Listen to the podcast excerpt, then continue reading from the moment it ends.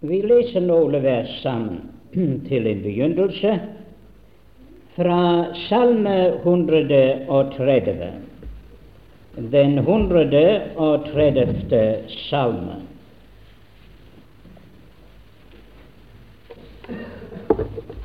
Salme 130, og det er vers 4,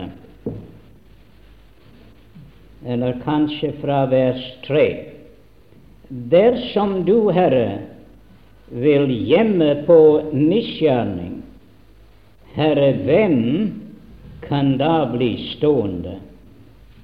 For hos deg er forlatelsen for at du må fryktes. Vi leser nå noen vers fra i uh, Romerbrevet, kapitlet 5. Romerbrevet, kapitlet 5.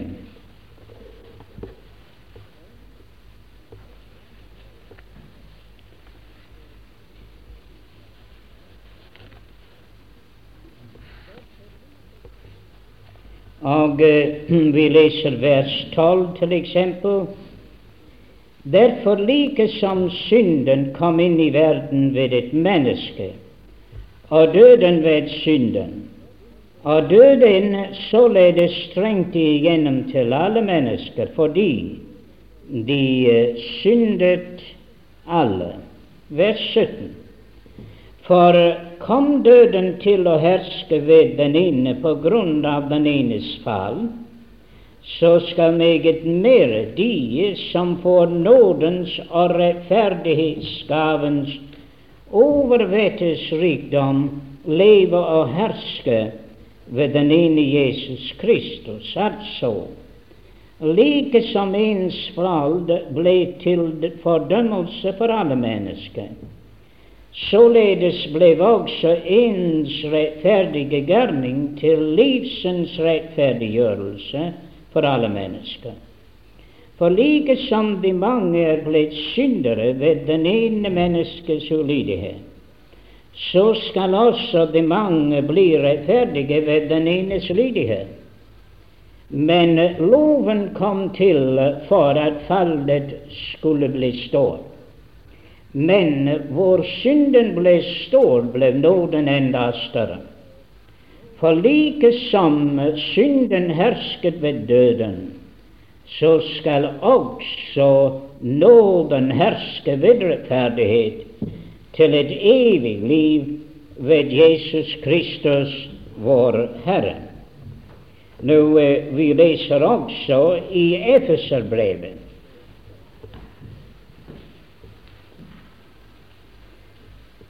I Efeserbrevet av det første kapittel, og det er i det syvende vers, i hvem vi har forløsning? Ved Hans blod, syndenes forlatelse efter Hans nådes rikdom, som Han rikelig gav oss i og med all visdom og forstand. Kanskje vi kunne lese også i Lukas evangelium, i det syvende kapittel, Lukas evangelium. Vi leser noen vers derfra, til eksempel fra vers 41. En som lånte ut penger, hadde to skyldnere. Den ene skyldte ham 500 penninger, den andre 50. Da de ikke hadde noe å betale med, eftergav han dem begge gjelden. Hvem av dem vil da elske ham mest? Simen svarte, jeg tenker, den han eftergav mest. Da sa han til ham, du dømte rett. Og han vendte seg mot kvinnen og sa til Simen, ser du den kvinne? Jeg kom inn i ditt hus, du gav meg ikke vann til mine føtter. men hun vetet mine føtter med sine tårer og tørket dem med sitt hår. Du gav meg ikke noe kyss, men hun holdt ikke opp å kysse mine føtter fra den stund jeg kom inn. Du salvet ikke med hodet med olje, men hun salvet mine føtter med salve. Derfor sier jeg deg, hennes mange synder er henne forlatt. For hun elsket meget, men den som littet forlates, elsker littet. Og han sa til henne, dine synder er deg forlatt. Da begynte de som satt til bords med ham, å si ved seg selv, hvem er denne mann som dog forlater synder? Men han sa til kvinnen, din tro har frelst deg, gå bort i fred. Nå må Herren da rikelig velsigne for oss lesningen av sitt dyrebare ord. Vi har prøvd i disse aftener å betrakte noen av de grunnsannheter i evangeliet. Ikke at den skal virke så at du blir bedre frelst, men saken er den at hvis vi forstår evangeliet bedre, så blir vi mer glad for den frelse som vi har. Det er jo så som vi sa den første aften en meget alvorlig sak at vi mennesker står overfor det store evighetsspørsmål. I mange ting det gjør ikke så meget om vi tar feil, for vi kan jo rette på det. Om du kommer for sent til toget, du kan jo få det neste. Men det er jo ikke så i forbindelse med disse evige sannheter om evighet. Fordi, min venn, hvis du bygger ditt hus, som vi sa den første aften, på sand, det er jo for sent når stormen kommer, og det hele faller sammen. Og tenk, min venn, det er evighet det gjelder om. At din evighet blir forferdelig fordi du tok feil av det grunnvoll som du bygget ditt evige håp på. Så derfor er det meget, meget viktig at du er klar over dette, at du har bygget ditt håp for evighet, nemlig på den rette grunnvalg. Nå, vi sa også at saken var jo den at i vårt forhold til Gud at Gud han må være bred fordi at han er hellig, og han er rettferdig, og han kan ikke have samfunn med synd. Han må dømme synd, og det er jo så forferdelig for oss å tenke dette. Var det en mulighet for at vi kunne oppnå så stor en frelse som vi hørte om? Det var aldeles umulig. Mennesker kunne ikke finne en vei inn til Gud.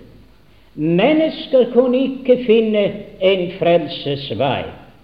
Gud måtte selv bane veien opp til mennesker og bane veien inn til Gud.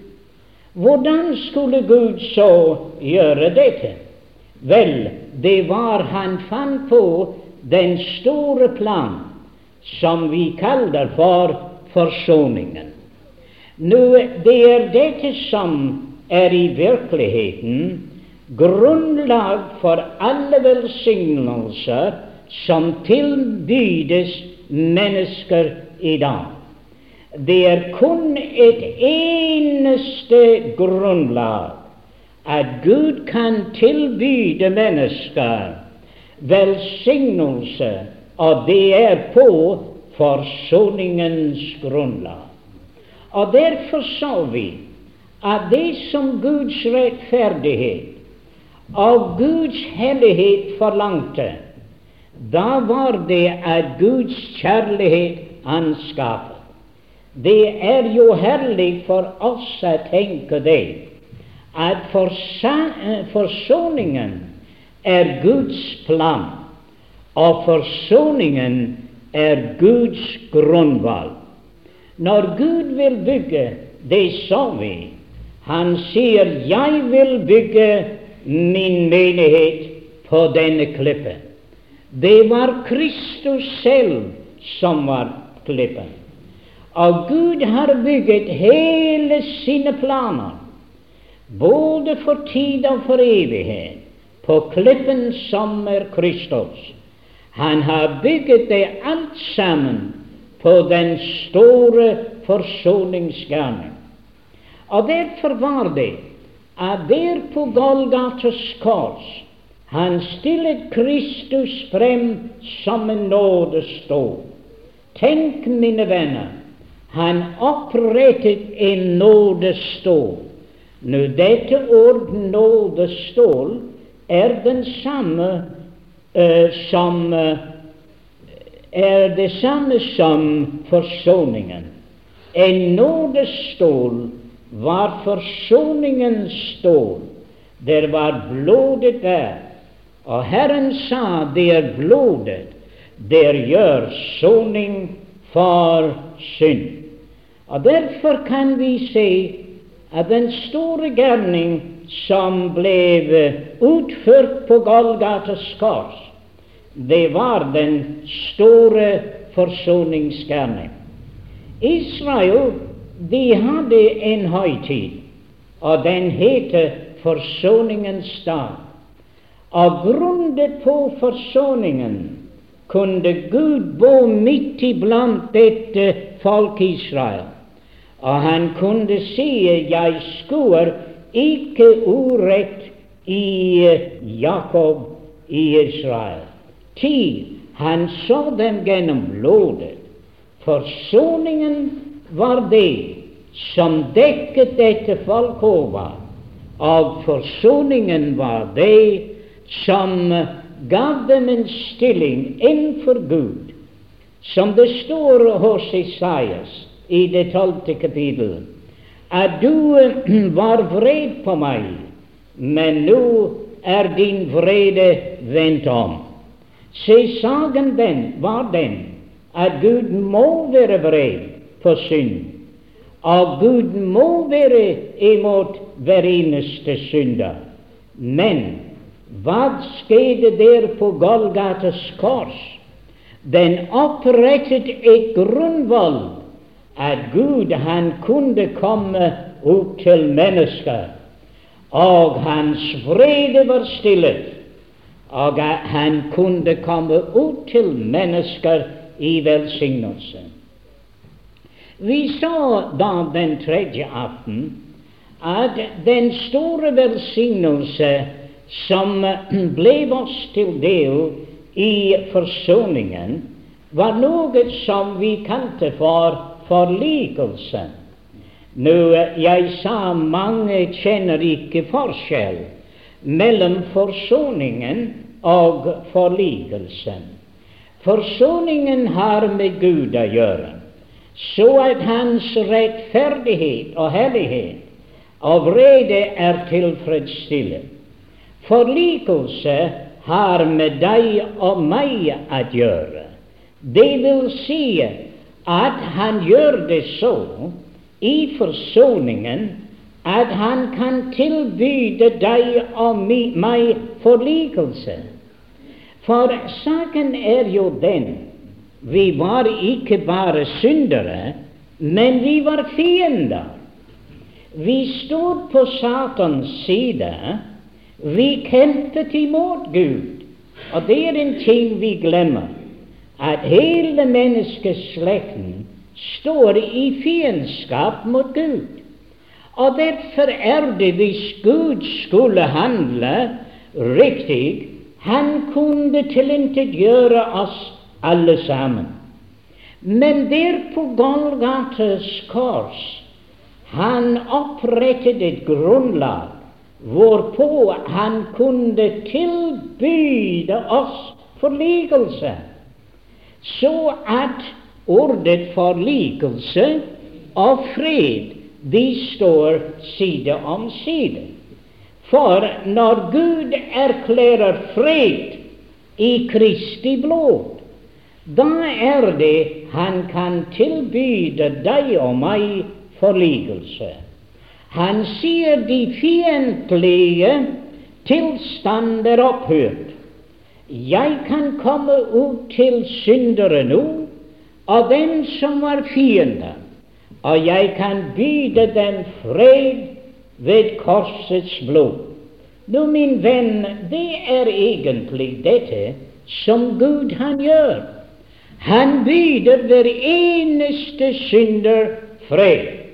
Og alt hva du har å gjøre, er at la de fiendtlige våpen falle og overgive deg til Herren. De, de Betingelser for denne fred er betingelsesløs overgivelse. At du bare overgiver deg til den Herre Jesus.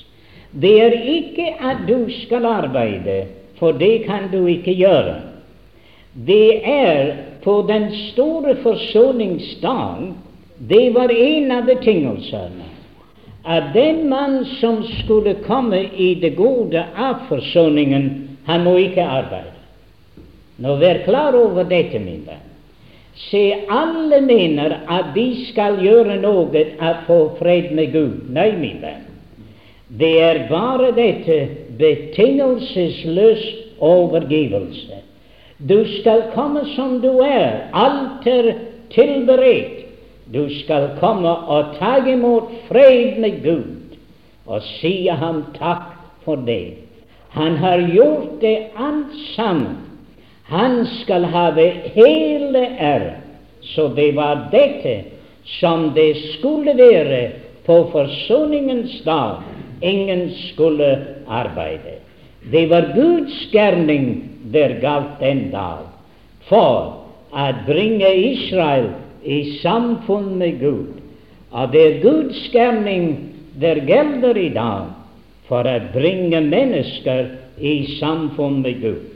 Så Han har givet oss en tjeneste, og den tjeneste kaller Han for forlikelsens tjeneste. Så hva vi gjør nå, er vi reiser rundt om i verden.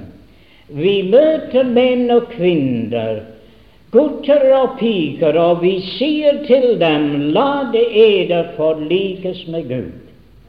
Alt er gjort, intet for deg å gjøre.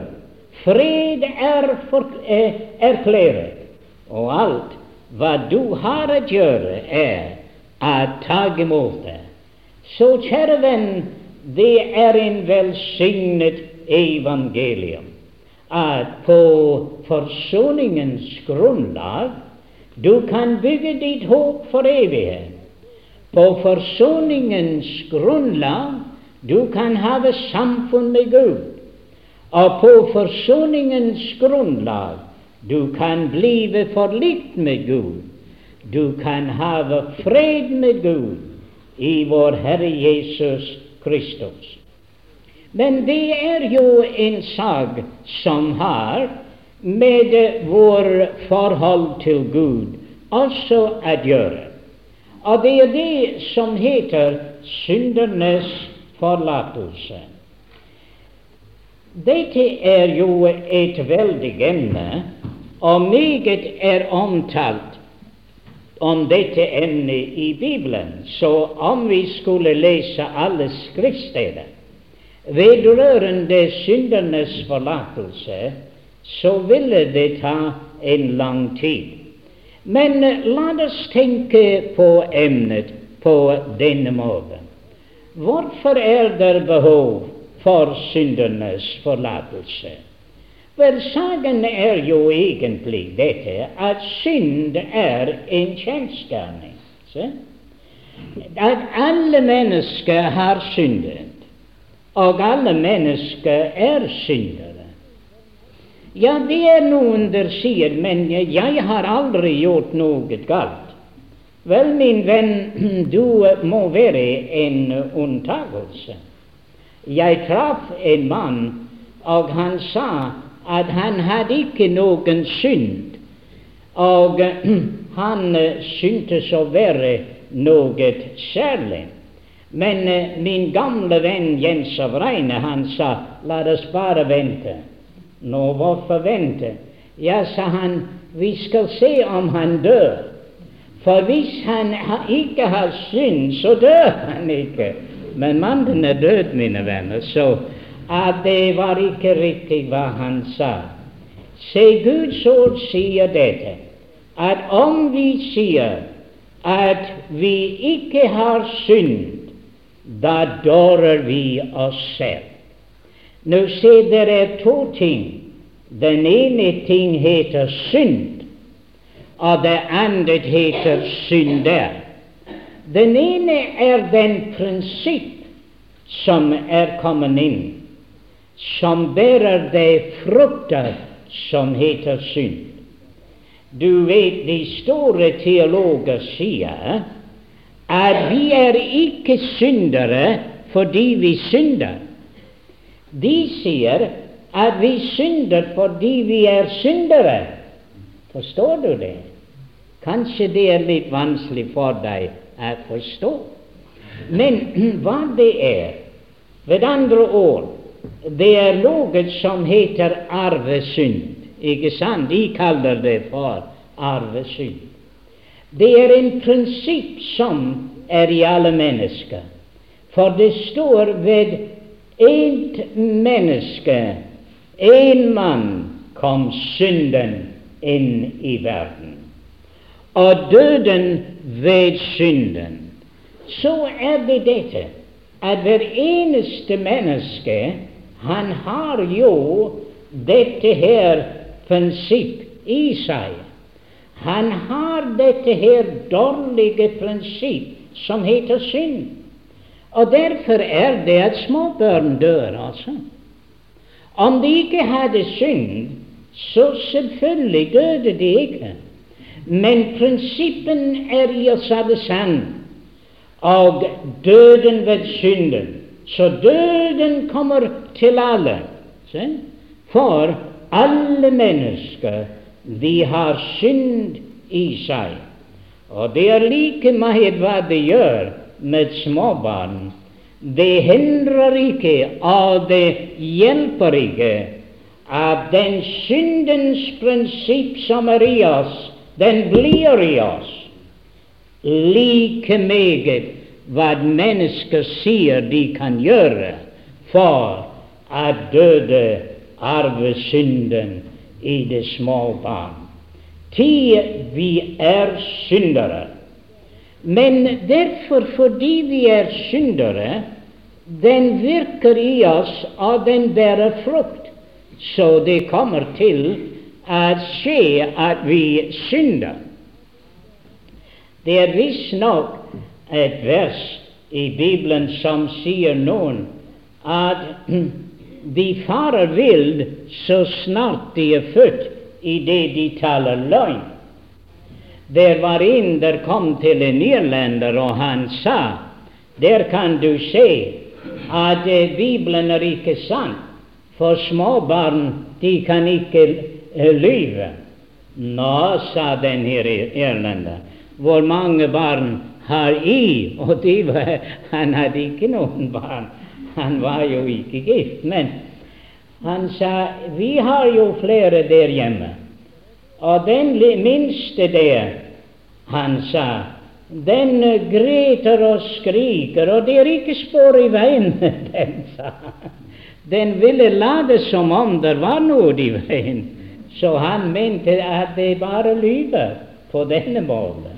Ah, ja, så det var jo ikke så galt som Bibelen var ikke så meget forkert. Kjære venner, det er dette at i oss alle er syndens prinsipp, Og som tiden går, så bærer den frukten. Og derfor er det at man kommer til å synde, fordi den prinsipper i oss.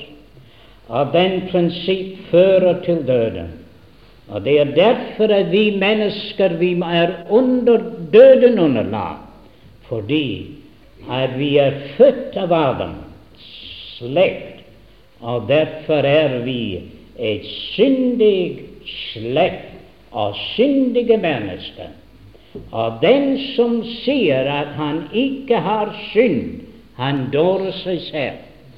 Og den som sier at han ikke har syndet, han gjør Gud til en løgn, Fordi Gud sier alle har syndet og fattes æren fra Gud. Så her står vi jo alle sammen, og vi står alle sammen på samme måte. Vi er alle sammen syndere. De taler om store syndere, og de taler om små syndere. Men det er jo ikke spørsmålet. Spørsmålet er at alle har syndet og fattes æren fra Gud. Så derfor er det at du og jeg er like så interessert i at få vite noe om syndernes forlatelse. Fordi du er en synder, og fordi jeg er en synder. Det er ikke alle det er kommet til det som vi kaller for syndens erkjennelse. Ja, det er jo en helt annen sak. At synden, den blir for oss en byrde. Men det er dette at Ånden er i verden, at overbevise om synd. Og den største av alle synder og det det vil avgjøre ditt evige skjebne, er om du forkaster Jesus som frelser. For den synd er der intet tilgivelse. Min venn, det er jo en forferdelig ting av synd fordi de tror ikke på meg.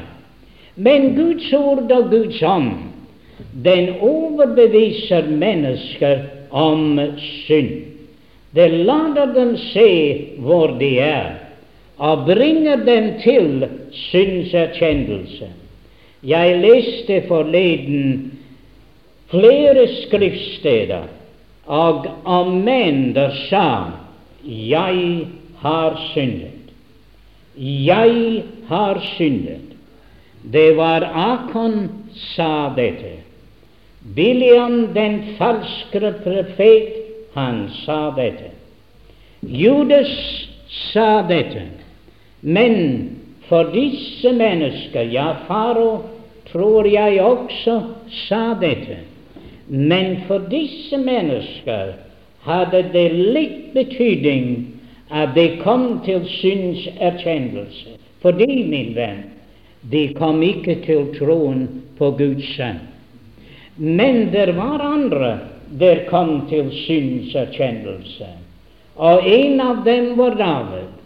Og David sier 'Jeg har syndet'. Og David falt for Gud, bekjente sin synd, og Gud i sin nåde skjenket ham syndernes forlatelse, så at han kunne si i Salme 32, salige er den mann. Hvis synd er forlatt, hvis gjeld er betalt, kjære venner, det er herlig at oppleve syndernes forlatelse. Men uh, den som sa dette også, var den fortapte sønn. Han sa, 'Jeg har syndet mot himmelen og for deg' og er ikke verdig at kalles din sønn. Men han kom til Faderen, og han ble forlikt med Faderen. Han fikk syndernes forlatelse og forlikelsens kyss. Venner, det er stort at kjenne til syndernes forlatelse. Men når syndens byrde blir over oss for tung For det er jo dette at jo mer vi tenker på det, og tenker på våre synder, ja, så kan det være stå. Så vi kommer til å være som pilegrim i pilegrimsvandring. Den blir en byrde og tynger oss ned. I dag vi kjenner ikke så meget til dette. For mennesker har bortskaffet eh, synserkjennelse. De har forandret lovene. Før tok mennesket tid og penger at, eh, at uh, bringe inn lover i de forskjellige nasjoner for å holde orden. Og da gjorde de at folk som overtrådte disse lover, de ble syndere. Og da hadde de en samvittighet, og de følte at de var syndere. Men nå må de ikke følge dette. Så vi avskaffer disse lovene nå, så at mennesker kan gjøre disse ting uten å ha noen samvittighet om det. Ja, og til og med nå kan de drepe mennesker, og det er ganske lovlig hvis du bare får den første sjanse. Så det er jo dette at det er forferdelig hvordan det er. Men innenfor Gud synder synd. Og hver eneste menneske skal stå innenfor Gud. Og vi er ansvarlige mennesker alle sammen overfor Gud, for vi har syndet. Det var en doktor i Amerika, doktor Wilson, og han skulle ha en, en sekretær. Og han adverterte, av en ung dame hun uh, kom for å få den stilling. Han var en troende mann, så etter han hadde talt med henne og syntes å være tilfreds med henne, så uh, var det at hun fikk stillingen. Men så talte han litt med henne en dag om disse spørsmål om synd, og hun var helt arg. Hun sa ja, men jeg er en god pike, sa hun. Ja, men, sa han, du har jo i hvert fall begått én synd, Monique? Og ja, da husket hun på at hun kunne være litt hissig av og til. Ja, kanskje to eller tre synder. For det er synder at man overtreder hva man skulle, og så er det synder på denne måten at man ikke gjør det som man burde. Og det er jo forskjellige slags synder. Jo, jo, ja, kanskje tre om dagen, sa han. Ja, måske var det så. Og så laget han en regnestykke, så om året da ble det så mange. Og ja, hvor gammel var hun? Jo, kanskje 30 år. Ja, ja, så ble det multiplisert med 30, og da var det et fryktelig antall. Og under det skrev alt sammen begått av en god pike. Så var det ikke mer sagt. Hun gikk hjem, men Guds ånd brukte det. Og da fikk hun syndebyrden. Og da følte hun at hun var ikke i, på det rette forhold innenfor Gud. Og hennes synder tynget på henne og hun følte som om hun skulle gå fortapt. Hun kom til kontoret et kvarter for tidlig neste dag. Han sier 'Nå, du er jo for tidlig'. 'Ja, ja', sier hun, 'men jeg ville tale med deg'. 'Nå, hva var det?' 'Ja, det var om mine synder', hun. Å, tenk hvor glad han var jeg peker henne til den store forsoning og lade henne se dette, at Gud er forlatelsens Gud. Gud er ikke en Gud som gemmer på våre synder. Nei, Gud er en Gud som heter forlatelsens Gud. Er du ikke glad for det? Jeg synes det er et av de beste skriftsteder i Bibelen, at Gud er forlatelsens Gud. Den Gud som forlater oss våre synder. Om Han skulle gemme på synd, hvor skulle vi være? Men, kjære venner, hvordan ble Han forlatelsens Gud? Det er ikke så at han er en gammel bestefar og sier 'nå snakker vi ikke om synder'. Nei, mine venner, Gud tok det mer alvorlig enn så.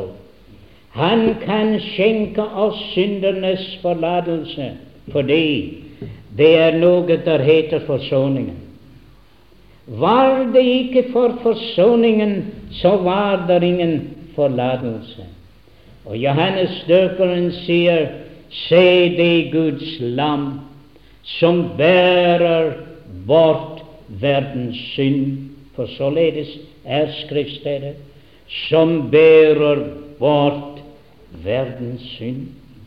Er det ikke en veldig tanke at der på Golgates kors kommer frem den Herre Jesus, den eneste som ikke var en synder? Han hadde aldri syndet. Ikke bare dette, men det står at synd er ikke i ham. Og det står også han kjente ikke til synd. Den absolutt plettfrie Guds lam. Gud selv i all sin hellighet åpenbaret her i kjødet, fullstendig fri fra alt der heter synd. Men han gikk til Golgatas kors, og det står han ble gjort til synd for oss. Han som ikke kjente til synd. Har du tenkt, min venn, betydningen av Golgata. Det var dine synder, det var mine synder. Det var det store syndespørsmål. Der var det av Guds land som bærer bort verdens synd. Johannes i sitt brev han sa han er en soning for våre synder, men ikke bare for våres men for hele verdens synd. Å, tenk, min venn, hva betyr Golgata for deg? Hva betyr Jesu Kristi lidelse for deg? Jeg elsker det vers i Esaias 53. Han er såret for mine overtredelser knust for mine misgjerninger. Straffen lå på ham for at jeg skulle ha fred, og ved hans sår har jeg fått legedom. Han bar våre synder på sitt legeme på korset. Kjære venn, da han ropte fra denne mørke, Min Gud, min Gud, Hvorfor har du forlatt meg? Det var fordi at alle dine bølger går over min sjel. Det var fordi at han var en soning for våre synder. Det var fordi at hele gelden, hele skylden, ble lagt på ham. Å, min venn, han døde for deg, og han døde for meg. Var det ingen Golgata, er det ingen forlatelse. Om Jesus Kristus, Guds sønn, ikke har sonet for synd, så er der ingen forlatelse. Men fordi at Jesus Kristus, da han var på Golgata, nettopp I den stund han var der, hva sa han? Fader, forlat dem, de vet ikke hva de gjør. Å, kjære venner, syndernes forlatelse for mennesker er grunnet på det store offer på Golgata, og grunnet på den bønn der steg opp fra syndofferet på Golgata. Fader, forlat dem, de vet ikke hva de gjør. Så derfor er det at Han har givet oss et budskap, og det er syndernes forlatelse. Når Paulus talte om det i apostlenes gjerninger, han kalte det for syndernes forlatelse fra alt som vi ikke kunne få forlatelse fra under Moselov. Du vet at under Moselov der var synder der ikke var noen forlatelse. Hvis du dreper en mann, så skal du dø. Ingen forlatelse for en manndrap. Og mange der var andre synder, som døden var det eneste for det. Men kjære venner, syndernes forlatelse.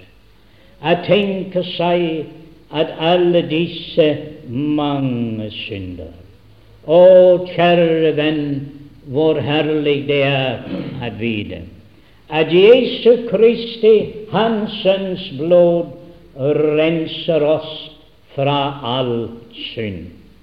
Jeg har hørt om da djevelen talte med Luther om dette spørsmål, og han visste Luther en veldig masse av synder han hadde begått. Og han sier, hva er det? Jo, det er dine synder, Luther. Er det dem alle? Nei. Det var jo mange flere, men bring dem alle. Og han kom med en lang, lang liste av synder. Nå, er det dem alle? Ja, nå var det dem alle. Jo vel, sier han, skriv over Skriv over det. Jesu Kristi, Hans Sønns blod, renser fra all synd. Det er ikke en synd som Jesu blod ikke kan rense deg fra. Den syndernes forlatelse, min venn, er på et pålitelig grunnlag. Jesu Kristi blod har sonet for alle våre synder. Og Gud, han kan ikke forlange mer fra oss. Vi leste der om en var jo hundrede eh, eh, penninger, og en annen femte. Men det var jo så. Den store skyldner, han hadde ikke noe å betale med. Den mindre skyldner, han hadde ikke noe å betale med. Jo, han eftergav den lille, denne den lille geld han av eftergav dem begge gelden. Ah, mine venner, det kom ikke an på størrelsen. Forlatelsen nådde ut til dem alt sammen. Det er et vers i Det gamle testamentet, og det står at han vil Han er rund til å forlate. Og jeg forstår at ordet er dette. Han vil multiplisere forlatelse. Peter sier, 'Hvor ofte skal jeg tilgive min broder?' Syv ganger. Peter kunne telle opp til syv. Men Herren sier du skal opp i en annen klasse, Peter, hvor de multipliserer. Det skal være 70 ganger syv. Ah, Gud multipliserer forlatelse. Så hvor synden var stor, ble nåden enda større. Og du har aldri møtt en mann og en kvinne som Guds store nåde ikke kunne skjenke dem syndernes forlatelse. Og det er så velsignet for oss at vi at han bar dem bort, at de er ikke til å finne dem mer. Det er så langt som øst er fra vest. Så langt har Han fjernet våre synder overtredelser fra oss. En skoledreng vil fortelle deg hvor langt det er fra nord til syd, men han kan ikke fortelle deg hvor langt det er fra øst til vest. Så derfor er det så langt som Østen er fra Vesten. Å, tenk, mine venner, dine og mine synder er fjernet fra oss. Det står et vers, og det står 'Jeg har utslettet alle dine misgjerninger'. Det var det som faren han ville, den lille gutt, han ville vite hva dette ord 'utslettet' betyr. Og uh, fader fikk ham en tavle for, og de skrev noe på den. Og så visket han det av. Ja, hvor er det nå? Ja, det var ikke til å finne. Det var borte. Han har utslettet alle våre synder. Og jeg synes at dette er jo en veldig sannhet. Det er jo borte fra Guds åsyn. Våre synder er fjernet fra Guds nærværelse. Din og min samvittighet, ja, det er også fjernet derfra. Men det står han har kastet deres synder bak hans rygg. I havets dyp. Å, tenk, mine venner, de er borte. Folk kaster ting i havet som ikke de skal ha mer bruk for. Og det er dette dine og mine synder, de er borte. Men det vers som for meg er best, er den som står i Hebreerbrevet. Og der står det eders synder og eders overtredelser vil jeg ikke mer komme i hu. Det er en herlig sannhet der. Der var en mann jeg hørte i Skottland tale, og han sa at Gud kunne ikke glemme. Han sa at glemme det var et tegn på alderdom, og at man var blitt gammel. Men eh, mine venner, jeg lovet ham ikke, og vi skulle ikke si at Gud kunne glemme. Men jeg lovet ham ikke at jeg ville si det, så at jeg ikke ville si det. For uh, jeg kan si det at Gud kan glemme. Du sier 'hvordan kan Gud glemme'? Det er det. Du og jeg glemmer det vi burde huske. Men Gud, han glemmer det han vil, og han husker det han vil. Han sier 'Jeg vil ikke glemme deg', men han sier 'Er det synder og overtredelser, dem vil jeg glemme'. Jeg vil ikke mer komme i hu. Du har hørt om mannen som hadde vært en synder, og hans gamle synder kunne han ikke glemme. Men han, de ga ham besvær somme tider. Og han drømte han nå til himmelens port. Og han møtte Herren der, og Herren bød ham velkommen. Men han sier, 'Men du, du kjenner meg vel ikke?' Jo, jo, jo, han, han kjente ham. Men jeg har gjort det og det, og jeg har gjort det og det, og han minnet sine gamle synder. Men Herren sa, 'Det husker jeg ikke noe til'. Han synes det var jo merkverdig. Du må huske det. Nei, jeg husker ikke noe til det. Og mannen våknet, og da kom det vers til ham. Eders synder og eders overtredelser vil jeg ikke mer komme i hu. Kjære venn, det er jo velsignet at her er en velsignelse for syndernes forlatelse. De er fjernet fra Guds åsyn.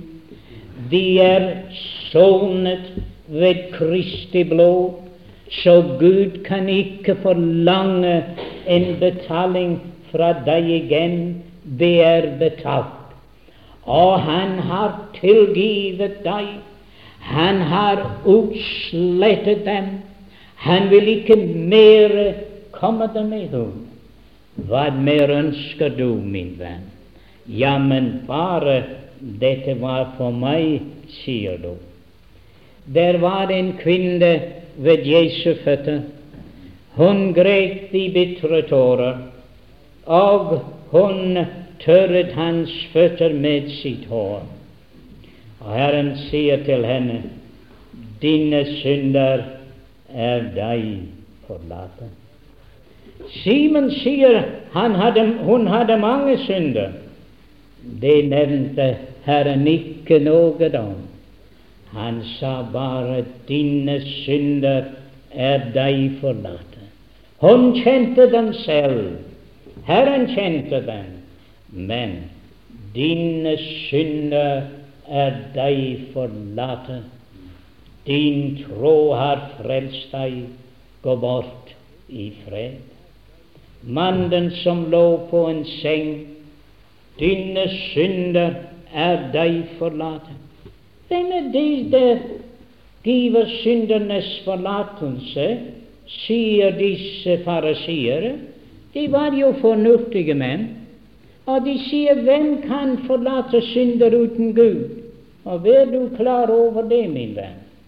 Det er ingen kan give deg syndernes forlatelse uten Gud. Ikke engang paven, min venn. Syndernes forlatelse er fra Herren selv. Ham som du har syndet imot, ham må du komme til, og ingen annen. Og der vil du finne hos ham er der forlatelse. Så derfor jeg er glad i aften. Jeg kjenner ikke alle. Men har du en syndebyrde, kom til Jesus. Og på grunn av Golgates store gjerning vil Han tilgive deg alle dine synder. Og Han vil si til deg i Åndens kraft dine synder er deg forlate. Gå bort i fred. Men hva har du gjort for syndernes forlatelse? Intet. Han har gjort det alt sammen. Den store gjerning er hans, og uten bønn eller noe annet. Han har tilgivet meg alle mine synder. Jeg har visshet om det, fordi han sa det selv. Han sa det selv. Da Esaias han gikk ut av tempelet den dag, kanskje han møtte en av sine gamle venner. Du ser så blek ut, Esaias. Ja, sa han. Jeg har sett Herren. Nei, det skal du ikke begynne å fortelle oss. Ingen kan se Herren og leve. Ja, men jeg så ham og jeg lever. Og vet du hva? Jeg fikk syndernes forlatelse. Du fikk syndernes forlatelse. Hvordan kan du si det? Jo, serafen som kom med den levende kull fra alteret og rørte med mine leper, han sa, Se, den har rørt med dine leper. Din misgjerning er vegen bort, din synd er sonet. Ser du lam på alteret? Det døde for meg. Ja, men Isaiah, du må vite at det var for hele Israel, det lam. Ah, mine venner, men han fikk lære det var for meg. At Jesus led på sitt gulv, kors på Golgata. Kom til ham i aften, sier inntil de min hånd jeg bringer. Jeg klynger meg til ditt kors, syndernes forlatelse i Jesu Kristi blod. Skal jeg ikke gjøre noe for det? Nei, ikke for å få syndernes forlatelse.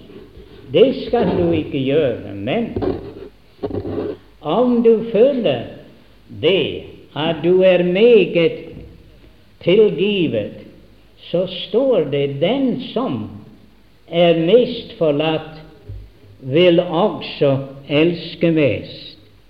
Så at du har fått syndernes forlatelse. Og du sier 'Jeg har vært så stor en synder'. Ja, vær så god.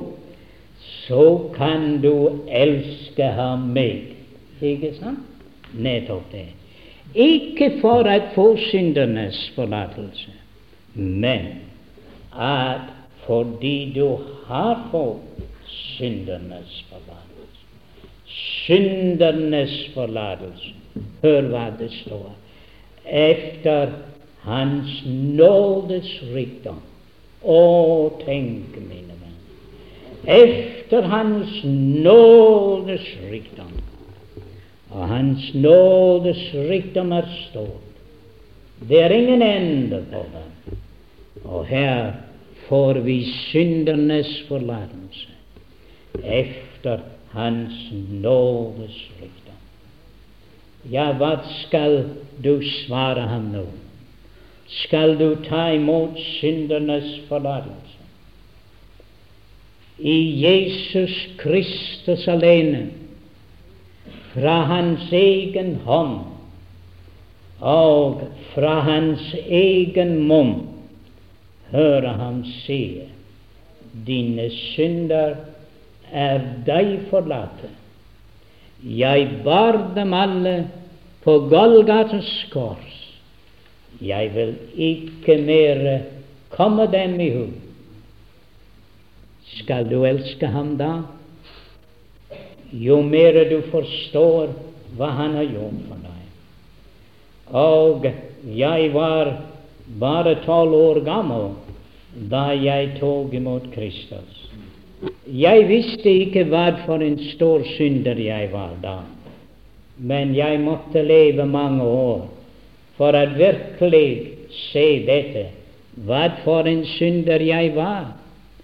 Og Paulus, det var ikke da han møtte Herren på Damaskus, at han sa han var den største synder. Nei, det var da han var en gammel mann.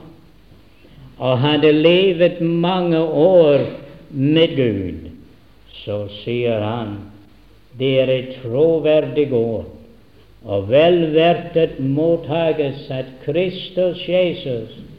Kom til verden at frelse syndere, blant hvilke jeg var den største? Nei, blant hvilke jeg er den største. Så her er den største apostel selv om han sier han er den minste. Men, mine venner, han sier han er den største synder. Han elsket meget, fordi han var meget tilgivet. Kjære venner, la oss se for en velsignelse. Syndernes forlatelse er. La oss elske vår Herre og Mester for han elsket oss inntil død. Guds sønn, som elsket meg og gav seg selv for meg. Jeg er meget tilgivet. Jeg burde elske meget. Ikke for å få syndernes forlatelse, men fordi du har fått syndernes forlatelse så må Herren velsigne sitt år. At vi må se mer i den store forsoning på Golgata. Og la oss fryde oss og glede oss i syndernes forlatelse ved Hans blod alene. Fader, det var meget det skulle betales det var meget den geld som vi skyldte deg. Men takk, Fader, at det var bare en der kunne betale. Og han betalte vår geld til det siste på Golgata. Så vi hører deg, Herre Jesus, med det gjennom våre hender og føtter. Nå opphøyet til herlighetens herlighet. Vi hører deg sie, dine synder er deg forlatt. Takk, Herre Jesus, for den visshet i våre hjerter, til du har givet oss visshet i våre hjerter om syndernes forlatelse gjennom din store gjerning på Golgata. Så vi elsker deg fordi du har først elsket oss. Og vi ønsker å elske deg, Herre, av ganske hjerte. Vi ønsker å tjene deg av et fullt hjerte, fordi du har gjort så meget for oss.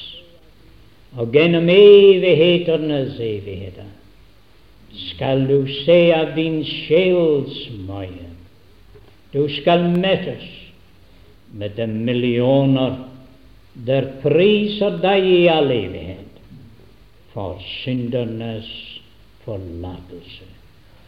Løst oss fra våre synder i ditt eget blod. Må ta vår takk. Velsign ditt ord i Jesu navn.